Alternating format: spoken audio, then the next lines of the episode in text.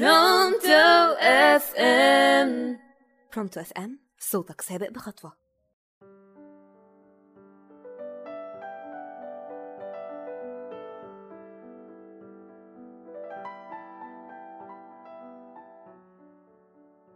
صباح أو مساء الهنا على كل المستمعين على راديو برونتو.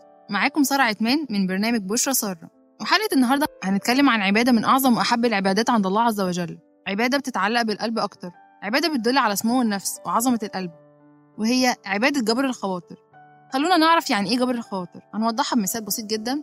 لما شخص دراعه يتكسر بيعمل إيه؟ جبيرة يعني إلمام للكسر والخاطر هو القلب. يعني جبر القلوب. ومن صار بين الناس جابرا الخواطر أدركته عناية الله في جوف المخاطر. يعني لأنك شخص بتكبر بخاطر الناس هتلاقي ربنا دايما بيحفظك. يعني مثلا تبقى ماشي عادي جدا في الشارع وفجأة يقع قدامك إزاز أو خشبة من أي مبنى.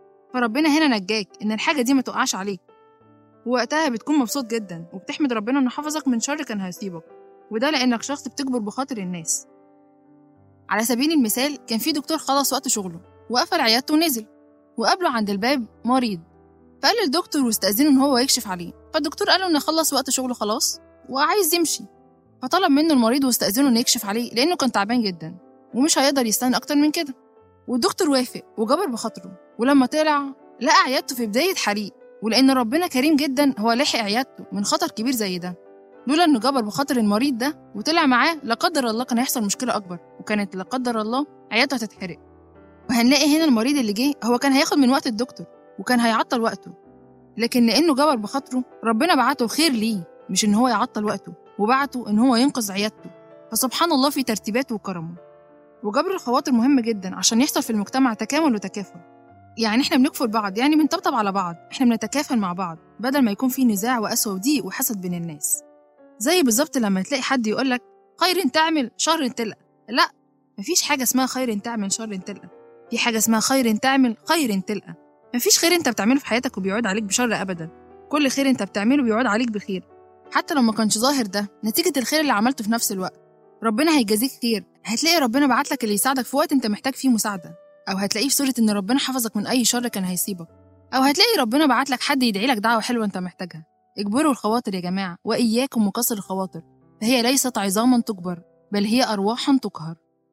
وهنقول حكاية جميلة جدا عن جبر الخواطر. كان في مرة واحدة ماشية لقيت قدامها شخص من أصحاب الهمم. كان ماسك قلم وبيرسم على الأرض. فسألته بتعمل إيه؟ قال لها برسم الجنة وبقسمها لأجزاء. فابتسمت ليه وقالت له ينفع أشتري منك جزء؟ وسألته بكام بتباعها. قال لها بعشرين درهم.